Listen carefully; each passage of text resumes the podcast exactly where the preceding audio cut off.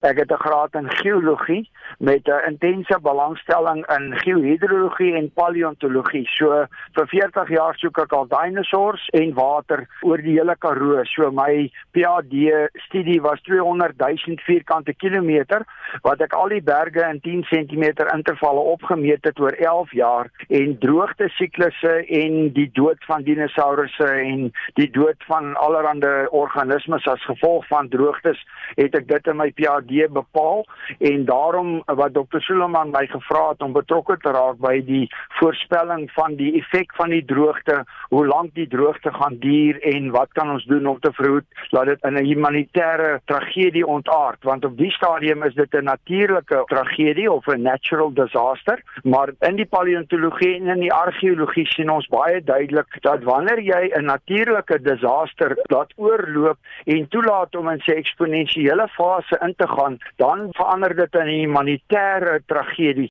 Vir oom Gideon is watersoek 'n diep gelowige en spirituele proses. Daarom het hy nie geskroom om Gift of a Givers by te staan toe hulle in die nood aan sy deur geklop het nie ek is 'n Christen, werk saam met Dr. Suleman as 'n Islam gelowige. Beide van ons intens gelowig, maar ons werk saam omdat ons weet dat hierdie krisis gaan jy nie wen as jy individu bly nie. Jy moet saamwerk om om te wen.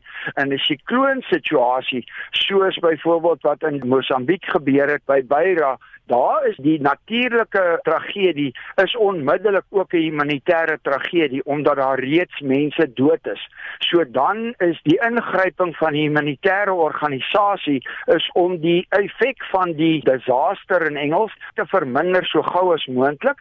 So jy jaag water in, jy jaag medisyne in, jy tel lyke op, jy berde die lyke, jy help mense om te begrawe, jy help hulle vir 'n paar weke met medisyne en stelselmatig vir verdwyn die hele tragedie terug na normaal toe. In 'n droogte is dit net mooi omgekeer. In 'n droogte begin die tragedie baie stadig. Dit vat omtrent 10 jaar om volwassenheid te bereik waar ons nou in Suid-Afrika by naby volwassenheid is en dan gaan die tragedie oor in sy eksponensiële fase waar ons dis hierdie droogtes vat 'n baie lang tyd om plaas te vind. Die een wat ons nou in is is reeds omtrent so 20 jaar oud. Hy het hier in 1989 begin. Hy is nou nou besig om die eksponensiële fase te bereik waar daar duisende skape in die Karoo doodgaan. By Sutherland het ons nou van 450 000 skape trek ons nou by 40 000. Die boere is besig om 200 tot 2000 skape per dag oeye wat dragtig is te slag. Die skape met lammetjies binne in hulle pensies wat nou geslag moet word en dit is waar die droogte dan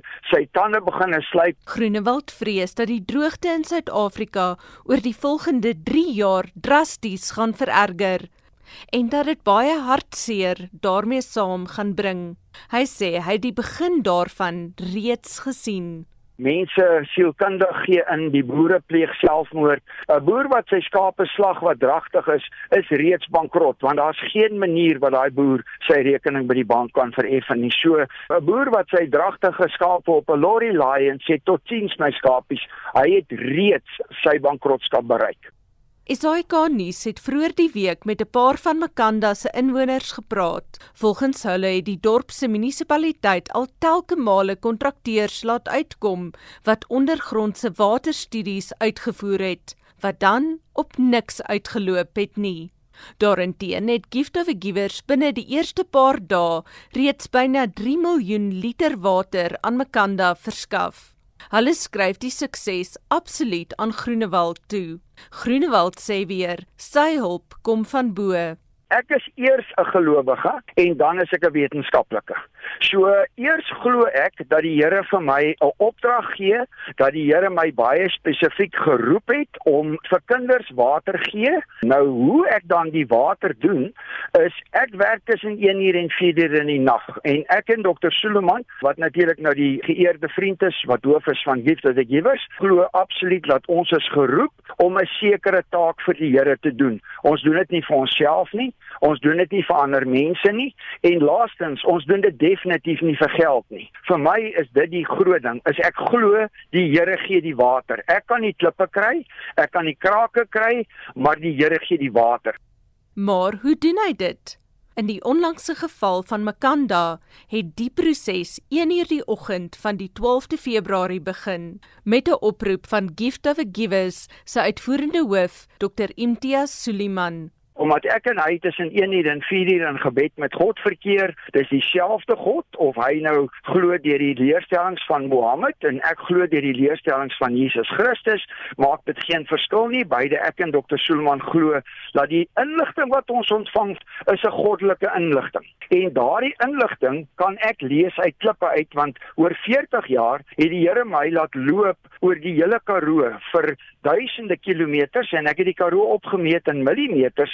Ek was ook baie bevoorreg om vir Nasionale Parke Raad te werk en toe het ek die nasionale diploma in natuurbewaring gedoen. En daarmee kan ek plante identifiseer. So ek op Google Fotos en nou dit is 'n nuwe tegniek. Ek vlieg dan 78 km bo die grond uit en dan kyk ek na die gebied wat Dr. Suleman vir my sê. So ek trek 'n geel lyn rondom byvoorbeeld Makanda die stad en dan kyk ek op 78 km na Suid-Afrika. En omdat ek weet dat Antarktika het 450 miljoen jaar terug teen Suid-Afrika gebots en daarna het Antarktika en Indië en Australië weer weggebreek van Suid-Afrika af, is daar drie baie belangrike breeklyne wat deur Suid-Afrika strek deur die hele land en dan 183 miljoen jaar gelede het daar baie baie groot vulkane ontplof wat die hele Lesotho se hoogland gebou het. Nou die vulkane se lava het in reguit lyne uitgepeel en hulle is geweldig magneties. So wat ek dan doen, ek kyk op 78 km en ek soek van hierdie geweldige groot lyne wat dan oor Suid-Afrika strek